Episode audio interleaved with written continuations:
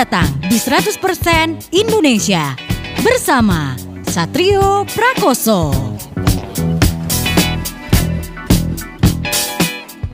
97.5 Blue FM Station for your life. Selamat malam player, selamat datang di 100% Indonesia Talk Show bersama si Tiling. Bersama saya Satrio Prakoso dan untuk malam ini seperti biasa saya bakal ngobrol sama musisi dari Indonesia dan buat uh, sekarang saya bakal ngobrol sama seorang solois wanita cantik banget players lagunya juga asik banget udah punya album dan beberapa waktu lalu baru rilis single Mau tahu saya bakal ngobrol sama siapa? Cek di postingan terakhir di Instagram dari @975playfm.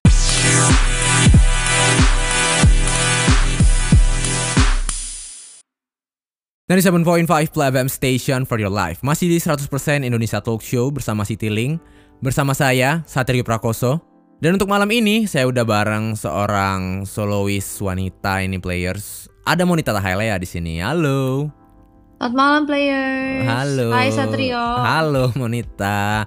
Hai. Ini uh, Monita ini sebenarnya tertarik dengan dunia musik dari usia berapa sih? Aku udah mulai ada di dunia musik walaupun bukan secara apa bukan belum berkarir ya. Heeh. Itu udah dari sejak SD sih. Dari SD memang udah suka ikut eh, ekstrakurikuler paduan suara. Hmm. Terus waktu SMP eh, aku ikut eh, sekolahnya Elva Sessioria. Oh, Oke. Di situ juga aku tergabung dalam paduan suara gitu. Kita sempat bareng-bareng teman-teman Elvas itu ada namanya Children Choir. Sekitar 70 orang waktu itu kita olimpiade ke Korea Selatan. Dari situ sih sebenarnya aku mulai bela- mu- mulai belajar nyanyi, Hah. terus ada di lingkungan musik. Sebenarnya mulai dari situ. Berarti itu dari kecil banget dong udah sampai ke Korea segala macam itu. Mm-mm, itu dari SMP tapi itu sebenarnya nggak ada pikiran buat jadi penyanyi sih cuma memang dulu eh, mama sama papaku tuh ngasih anak-anaknya banyak kegiatan gitu supaya nggak kebanyakan main di luar Oh. jadi kita di, di lesin nyanyi les bahasa terus apa ada ikut apa kayak klub olahraga juga jadi maksudnya sambil dilihat kali ya bakat anaknya tuh di mana gitu tapi eh, memang paling lama sih waktu itu gara-gara eh, waktu itu lam- paling lama memang waktu sekolah musik itu sebenarnya bukan sekolah sih lebih ke kursus Oke. belajar lagu bela- bela- belajar baca not balok gitu Oh gitu. Berarti dari kecil emang udah eh, sengaja sama orang tua daripada main nih anak-anak gue, mending gue suruh ini aja ya. Sekolah Iya. gitu, kursus gitu Iya, kan. bener, lebih bener. lebih bermanfaat gitu, lebih ber- berfaedah ya. Soalnya dulu maksudnya mungkin dilihat anak anaknya kuper kali ya di rumah, doang nonton TV daripada ini mendingan kan kalau di tempat eh, les kayak gitu juga ketemu teman baru Iya, gitu betul. kan. Heeh. Ya udah dari situlah. Tapi memang dari sejak SD, SMP atau SMA, SMA aku juga sempet ngeband kayak gitu-gitu tapi nggak kepikiran sama sekali nggak kepikiran buat jadi penyanyi profesional bener-bener su apa kayak menikmati aja gitu ngeband, Oke. nyanyi paduan suara gitu. Oke. Nah, dulu waktu pertama kali dikursusin sama orang tua itu ter- sebenarnya dari monitanya sendiri tertarik gak sih sama musik? Atau atau cuma karena wah disuruh mama les nih udah les aja deh atau gitu doang sebenarnya? lebih kayak gitu sih disuruh Awalnya? mama les udah les Oh. aja gitu tapi waktu ngejalaninnya ya seneng karena ketemu banyak teman Rame ya gitu ya, les- seru. iya setiap mau les udah janjian nih oh kita les lu les gak les gak ayo les les kayak gitu tanpa aku sadari aku ternyata suka gitu belajar lagu baru Heeh. mempelajari nada. Tapi nggak ada pemahaman lebih dalam tentang ini tuh adalah sebuah musik. Apa itu belum ada. Oh. cuma seneng aja emang Iya, ada iya, dengar suara piano dengar suara orang nyanyi ada di lingkungan yang orang-orang yang suka nyanyi suka belajar lagu. Awalnya memang cuma kayak gitu aja gitu. Oke, ingat nggak dulu pertama kali belajar lagu apa? Eh, pertama kali belajar lagu Blue Sky Oh, lagunya siapa tuh? oh, itu eh, itu lagu Just Standards gitu lagu lama Mm-mm. Eh, lagunya juga aku agak lupa-lupa ingat Blue Sky when I'm blue da, da, da, da, da. Itu berarti choir ya, rame-rame gitu nyanyinya atau gimana? itu sendiri Oh, jadi sendiri. Oh. jadi lesnya itu aku bareng sama kakak aku Heeh. jadi kelas private satu kelas berdua lah Heeh. Nah, gurunya uh, gurunya seru sih. Jadi ada beberapa minggu yang kita digabungin ke kelas lain. Sampai Oh, akhirnya uh, memang ada olimpiade paduan suara apa choir olimpik. Jadi Alfa Sessioria ikut choir olimpik mewakili Indonesia, lalu mereka buat buka audisi buat choir Timnya gitu ya. buat timnya. Wah. Ada timnya tuh waktu itu ada tim Elsis namanya itu yang kayak dewasa udah waktu udah 18 tahun ke atas lah. Nah, aku ikut yang children choir karena waktu itu aku masih SMP kelas 3 Oh, gitu. Jadi oke. aku ikut yang anak-anak. Oke, Gitu. berarti dari kecil banget udah terjun di dunia musik sebenarnya ya. Walaupun Iya. belum jadi penyanyi profesional waktu masih kecil. Nah, dulu ingat nggak in- selain vokal ya, instrumen musik apa sih yang pertama kali dikuasain? Instrumen pertama kali belajar piano. Kelas berapa piano tuh? Juga di, Hah, itu SD. SD masih SD baru SD baru kelas Hah? 4 sampai kelas 6 lah. Oh, oke. Sampai kalau nggak salah sampai nyampe SMP kelas 1 deh. Masih belajar piano. Hmm. Uh, terus kayaknya mungkin apa aku ada kesulitan baca not balok kan jadi Ribet susah ya. banget uh, iya susah banget dan kayak dulu kan uh, karena belum terlalu, ter- terlalu tertarik jadi nggak terlalu serius sekarang aku lumayan nyesel juga sih nggak diterusin Tapi sekarang masih bisa main piano kan? Oh udah lupa lebih lebih oke main ukulele atau gitar lah Oh, karena tapi piano kalau piano juga gitar sama piano sama-sama harus latihan tapi kalau Iya. piano sekarang udah nggak ada piano lagi jadi yang susah buat yang latihannya ada ya. Mm-mm, susah latihannya sekarang yang ada di rumah ya gitar sama ukulele paling aku main-main itu sih Oke. Nah, eh, buat Monita tadi udah bilang tuh udah cerita dikit sebelumnya pernah ngeband ya. Itu kelas berapa tuh? Kalau ngeband itu waktu SMA, SMA kelas 1, Hah? terus SMA kelas 2. Oke. Itu aku mulai ngeband tuh. Jadi eh, Sebagai apa ada tuh di bandnya? Sebagai Vokalis. apa? Vokalis. Oke. Sebagai vokalis. Jadi eh, kan suka ada pensi, suka ada Heeh. acara acara sekolah. Terus bawain lagu apa tuh? Waktu pensi. Dulu dulu dulu tuh favorit aku Moka. Yang pasti selalu aku bawain tuh Yang mana? lagunya Moka. Lagu Moka yang mana? yang Eh, diinget banget. My Secret Admirer. Oh, Secret Admirer. Beyond the Autumn. Ya, pokoknya semua lagu Moka terus 10 to 5. Terus terus menang nggak tuh di pensi dulu? Kalau di pensi kan memang karena pensi sekolah jadi Ah. memang setiap kelas kayak ngirim Ada perwakilan ya. ada perwakilannya gitu. Terus terpilih dong Nah, berarti. Bandnya? Monita. Bandnya Monita terpilih dong jadi yang paling the best gitu. Selalu main sih, selalu main. Cuma aku waktu itu mikirnya cuma ya apa Have ya? doang gitu ya. Seneng-seneng aja. Seru-seruan gitu. ya. Going, eh bikin band yuk, ayo, ayo. Nah, waktu kelas 3 Mm-mm. eh, kita sempat ikutan liga band sekolah, itu baru lomba tuh. Itu gimana tuh Liga Band Sekolah? Liga band sekolah waktu itu di stasiun TV apa aku lupa. Pokoknya Ah. terus kita audisi, Heeh. diizinin sama sekolah terus masuk masuk ke final tapi eh, waktu final li- liga band sekolahnya itu bertepatan dengan aku ikut Indonesian Idol Jadi jadi aku harus kamu ngobrol Milih ya? nah iya jadi harus milih gimana nih guys gini gue ini gini segala macam ah ya udahlah ambil aja tuh idol tuh gini gini gini gini gini gitu kan ya akhirnya udah akhirnya aku lebih milih Indonesian Idol yang liga band sekolahnya ikut kita akhirnya nggak ikutan nggak jadi masuk nggak jadi ikutan final oh angus gitu aja. Sayang banget ya. Iya, iya.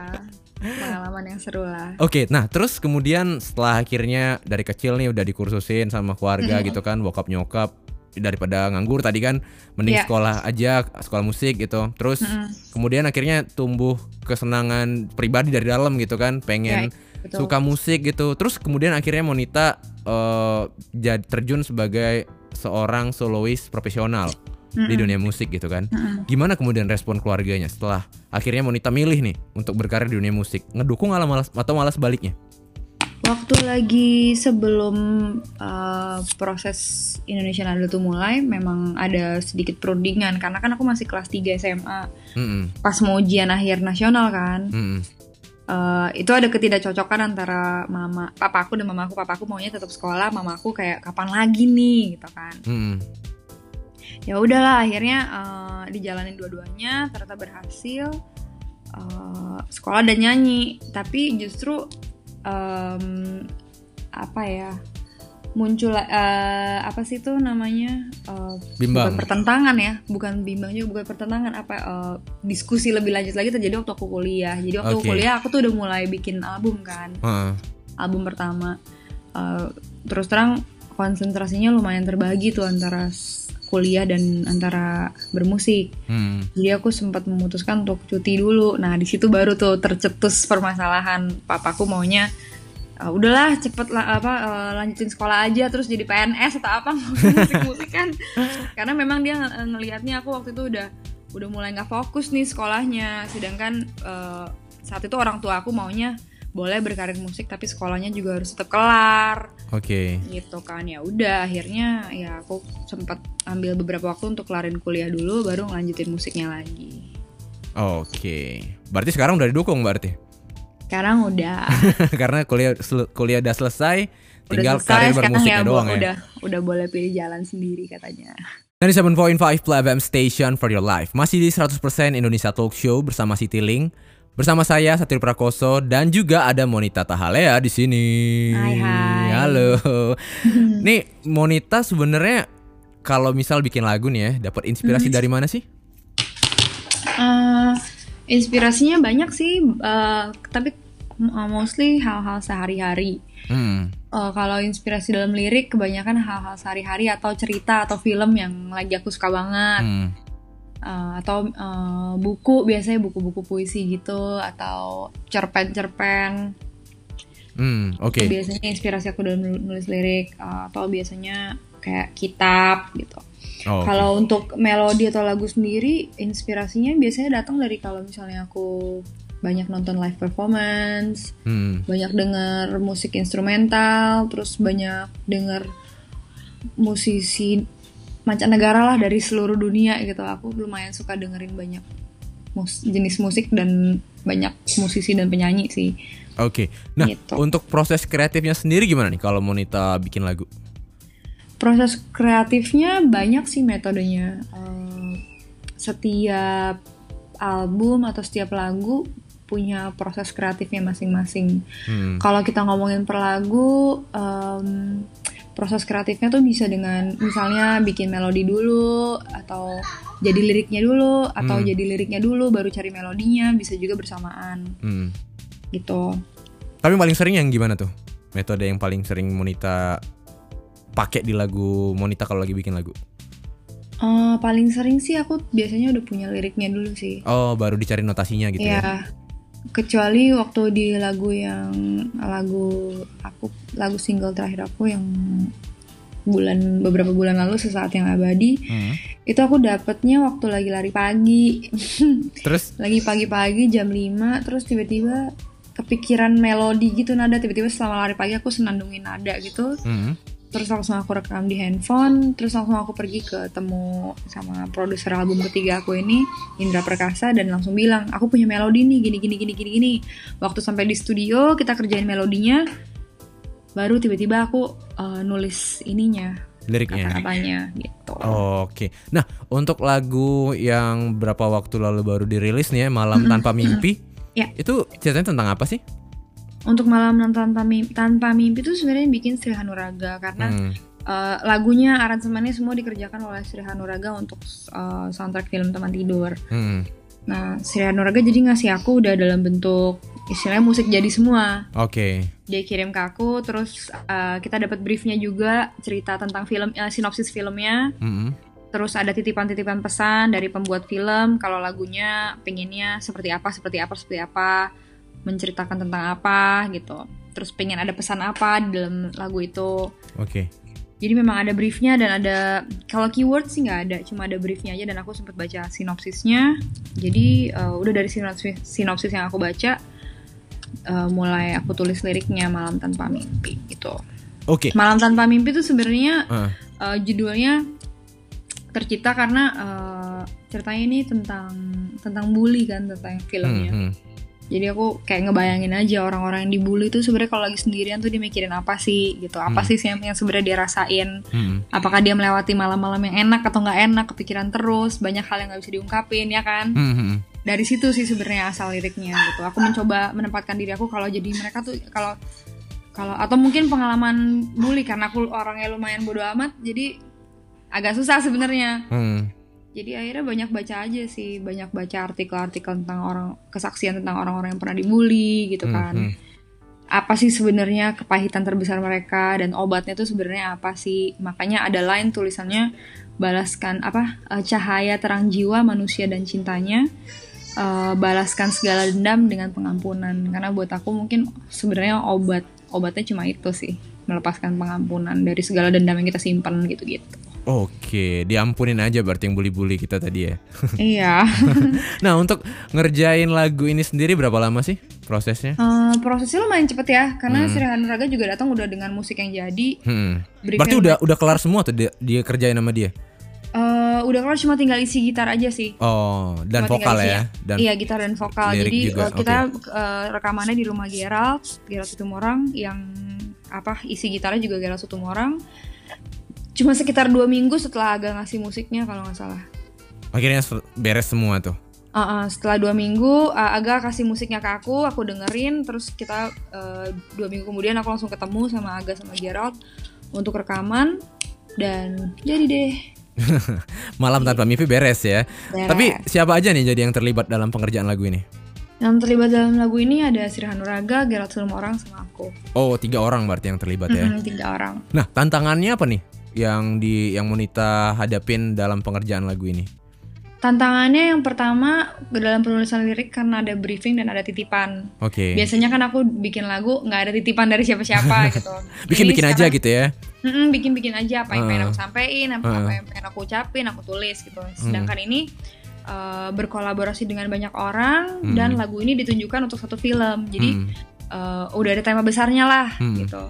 Itu mungkin kesulitannya situ aku lebih ke apa ya? Apakah aku uh, lirik aku cukup mendeskripsikan apa yang mereka mau gitu? Apakah lirik aku cukup uh, cukup bisa uh, menyampaikan pesan-pesan yang si film ini mau Oke. gitu? Lebih kayak situ. Nah kalau untuk teknisnya sendiri rekaman bersama Aga dan Gerald uh, sebenarnya musiknya tuh kedengarannya nyanyinya kayak lurus-lurus aja tapi sebenarnya ketukan dan cara nyanyinya tuh sangat waktu rekaman aku cukup uh, cukup menantang lah istilahnya aransemennya Sirhan Nuraga untuk Ada yang beda mungkin gitu temponya ya, ada yang 3 per 4 atau 4 per 4 Iya iya betul kayak betul gitu-gitu. betul. Jadi uh, tempo lagunya sama cara nyanyinya uh, tempo lagunya fix tapi ganjil tapi agak maunya aku nyanyinya lebih free dan lebih loose gitu. Nah itu susah Nah, tuh, banget. rumit banget tuh kan players gimana tuh mikirinnya. susah dan dia maunya aku bernyanyi tanpa vibra. Jadi nggak boleh ada vi- uh, vibra yang ha gitu Iya. dia nggak mau maunya lurus. Nah itu juga tantangan tersendiri juga secara Oh, teknis. Oke. Harus nafasnya harus panjang, harus apa gitu. Tapi seru, so far seru sih.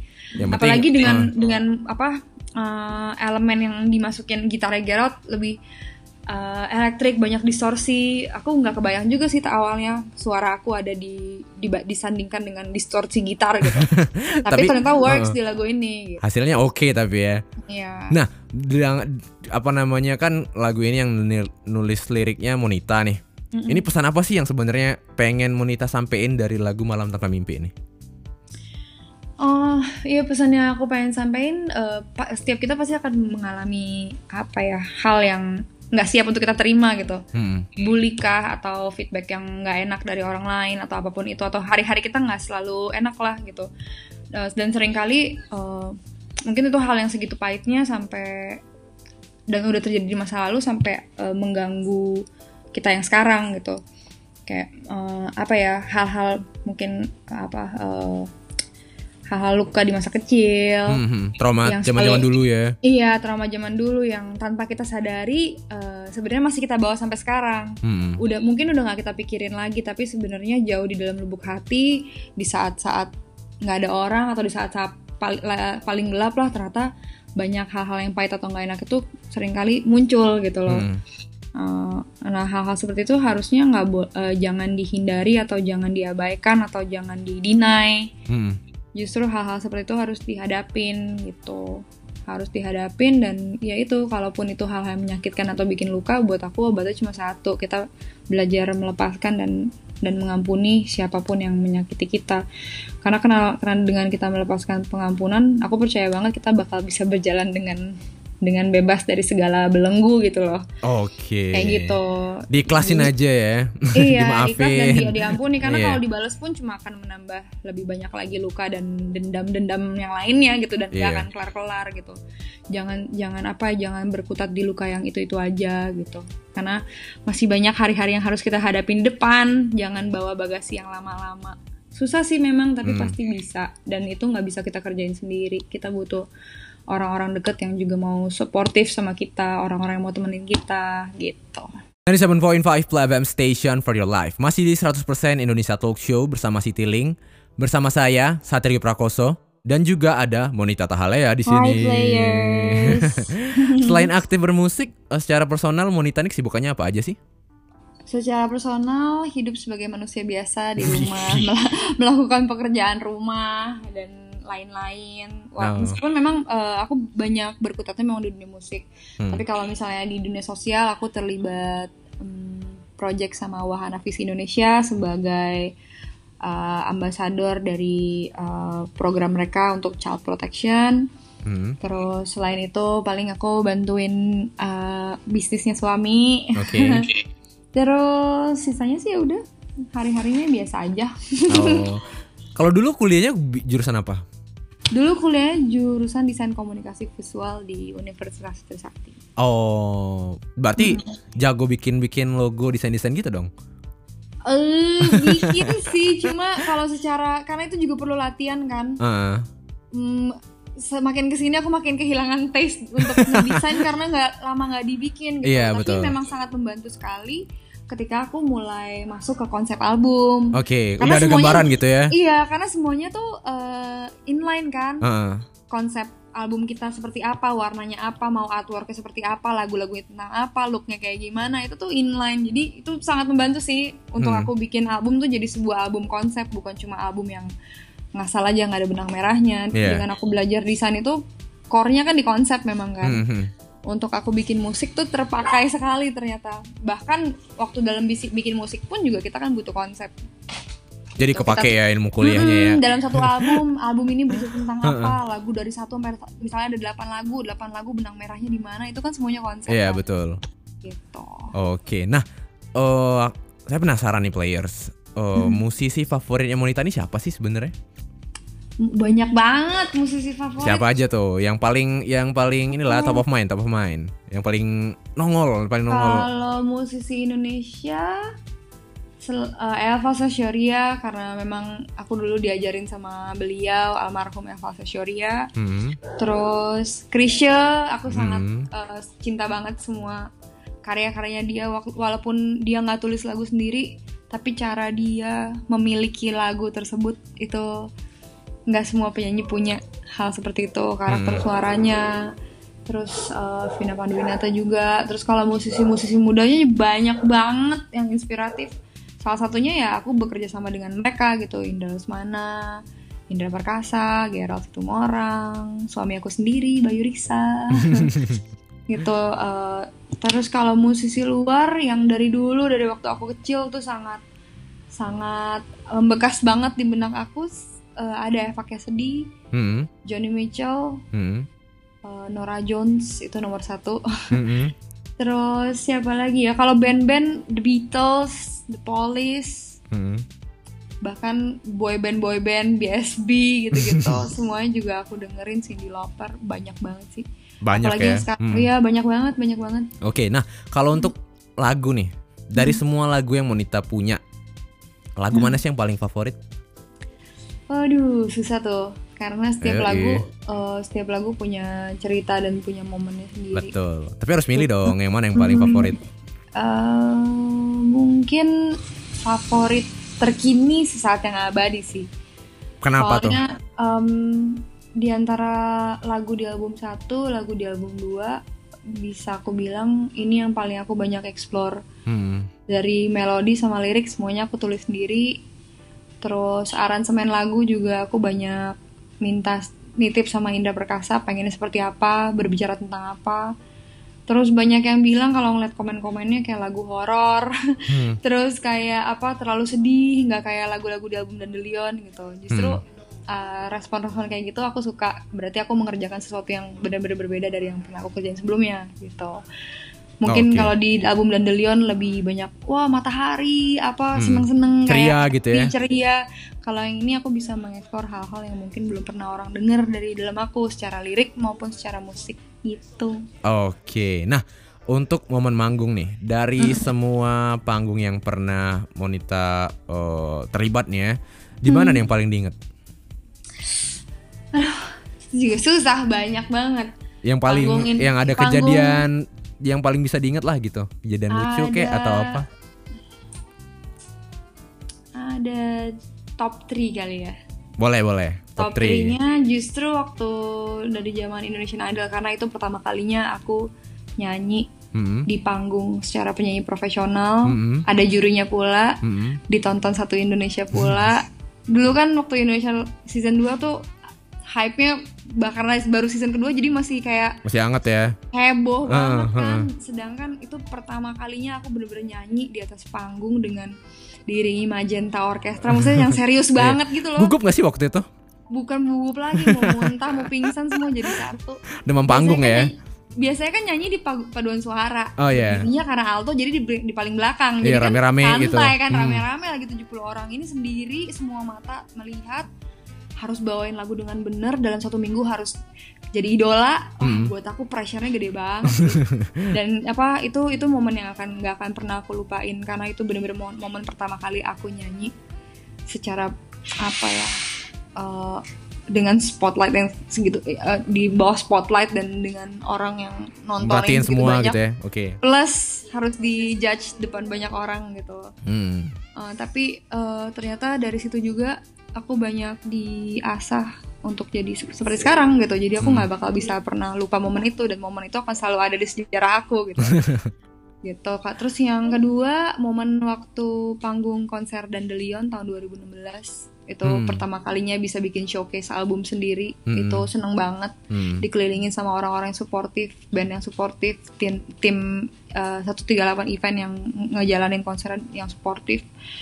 Terus yang terakhir uh, kemarin sih waktu tour Metal Lion MLD Spot In- Intimate Sound ba- bareng sama Gerard sama Sirhan Noraga. Hmm. Uh, aku nggak pernah nyangka kita bisa dikasih platform yang nggak ada boundary-nya kayak gitu. Konser selama dua setengah jam dengan penonton yang intimate ada sesi tanya jawab jadi penonton bisa nanya apa aja bisa nanya bebas tentang hal-hal yang belum pernah mereka tahu dan pengen mereka mereka dengar Uh, dan kita bisa benar-benar bawain presentasiin karya kita tanpa dibatasi harus ini ya harus bawain cover orang ya harus harus apa ya nggak ada kayak gitu gitu jadi kita benar-benar boleh berekspresi dan bawain karya kita se tanpa batas lah Oke. Nah, menurut Monita nih, tantangan terbesar di dunia musik sekarang itu apa sih? tantangan terbesar di dunia musik sekarang em, karena ini dunia digital semua orang bisa sekarang udah bisa melakukan semuanya sendiri Hmm. Hmm, tantangan terbesarnya adalah eh, nggak ke bawah arus Hmm. Eh, sering kali setiap semua orang ngeluarin single baru nih Hmm. keluarin single lagi single lagi pas eh, kalau buat aku pribadi ada masa di mana aku jadi mempush diri aku so hard untuk bikin single yang banyak juga Hmm. tapi memang dari dulu tuh bukan bukan kebiasaan aku aku nggak terbiasa dengan single single sebenarnya baru pertama kali aku coba adalah di lagu sesaat yang abadi itu Hmm. aku selalu keluar satu album langsung udah gitu nggak pakai single single Hmm. tantangannya sih nggak terbawa arus kita tetap apa ya Konsisten dengan apa yang kita konsisten percaya dengan gitu apa ya. yang iya apa betul apa yang dengan apa yang kita percaya gitu. Hmm. Oke kalau lagu gue tuh memang marketnya seperti ini kok. Eh, Tantangannya kita harus banyak belajar, Hmm. harus banyak baca situasi, harus tahu banget diri kita, harus tahu juga market kita gitu. Jadi nggak usah maksain, ah gue pengen ngejar target market satu juta pendengar, satu juta pendengar streaming dalam satu minggu gitu. Hmm. Aku tahu itu bukan market aku gitu. Maksudnya Hmm. lagu aku tuh tipenya yang dua, dua bulan kemudian bahkan satu tahun kemudian orang baru baru ngeh gitu. Hmm. Jadi ya kita udah tahu market kita, terus apa lagi ya? Kalau di dunia digital aku sukanya tantangannya adalah kita dituntut jadi makin kreatif sih. Dari segala bidang, dari musik kita, dari strategi bisnis kita, dari cara kita engage sama pendengar kita gitu. Kita dituntut untuk jadi orang yang kreatif dan selalu inovatif lah gitu. Soalnya buat aku luas banget sih tantangannya bisa bisa luas, bisa eksternal, bisa internal. Yang Hmm. paling bahaya kalau tantangan itu udah menyinggung hal-hal internal kayak bikin kita jadi comparing, Hmm. aduh kayak karya gue nggak seini. Tertekan gitu ya jadinya, Iya, kayak depresi ntar gue, malah stres. sebanyak mereka. karya lagu gue ini video klipnya likesnya nggak sebanyak ini, nggak sebanyak ini gitu. Heeh. Justru yang harus kita hindari eh, yang Kayak- kayak gitu ya. kayak gitu. Hmm. Jangan sampai eh, don't let your eh, don't don't make those stuff lose your soul gitu. Jangan sampai Hmm. kita kehilangan jiwa untuk hal-hal yang sebenarnya bukan intinya gitu. 97.5 Play FM Station for your life. Masih di 100% Indonesia Talk Show bersama Siti Ling Bersama saya, Satrio Prakoso Dan juga Monita Tahalea.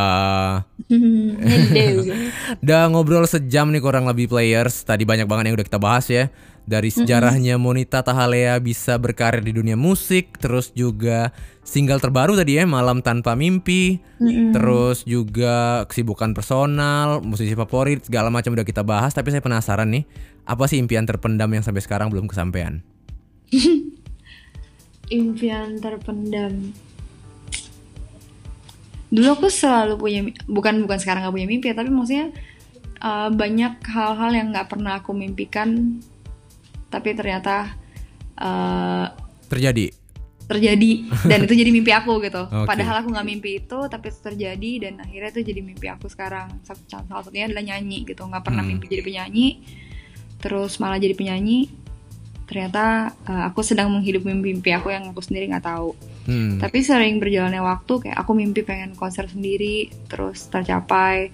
Mimpi pengen nyanyi bareng orke- orkestra tercapai. Mimpi suatu saat lagu aku bisa dijadiin soundtrack film tercapai gitu. Hmm. Uh, aku sadari ternyata uh, mimpi itu nggak selalu ada di apa yang pengen kita tuju tapi perjalanan yang kita jalanin gitu orang-orang yang kita temuin jadi kalau ditanya mimpi aku apa aduh lebih mungkin lebih apa ya cita-cita kali ya cita-citanya pengen pengen bawain karya aku di luar gitu misalnya aku bisa Hmm. nyanyi di festival di Jepang atau festival di Belanda jadi bawain karya sendiri di negeri orang dengan bahasanya bahasa sendiri bahasa Indonesia itu kali ya yang berikutnya pengen pengen aku lakuin Oke. Nah, gitu untuk rencana dalam waktu dekat pengen ngapain nih Monita?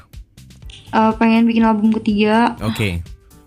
Udah udah udah jalan atau masih udah udah jalan udah Oke. jadi udah jadi beberapa lagu tinggal diputusin aja mau mau gimana mau dikeluarin tanggal berapa sama ada beberapa aransemen yang harus dikeluar kelarin sama lagu tapi nggak banyak sih cuma tinggal dua lagu lagi sebenarnya Oh, dari total berapa lagu tuh?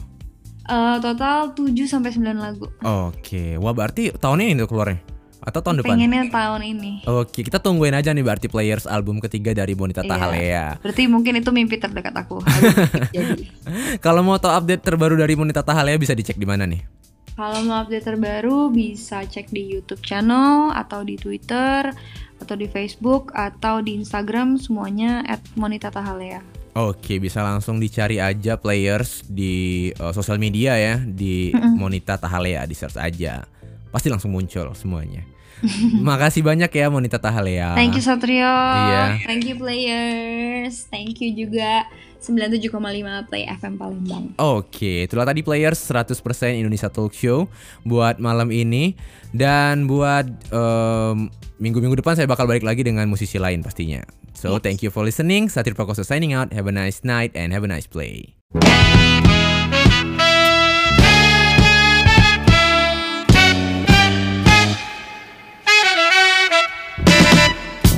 Kasih sudah mendengarkan 100% Indonesia bersama Satrio Prakoso. Sampai jumpa minggu depan.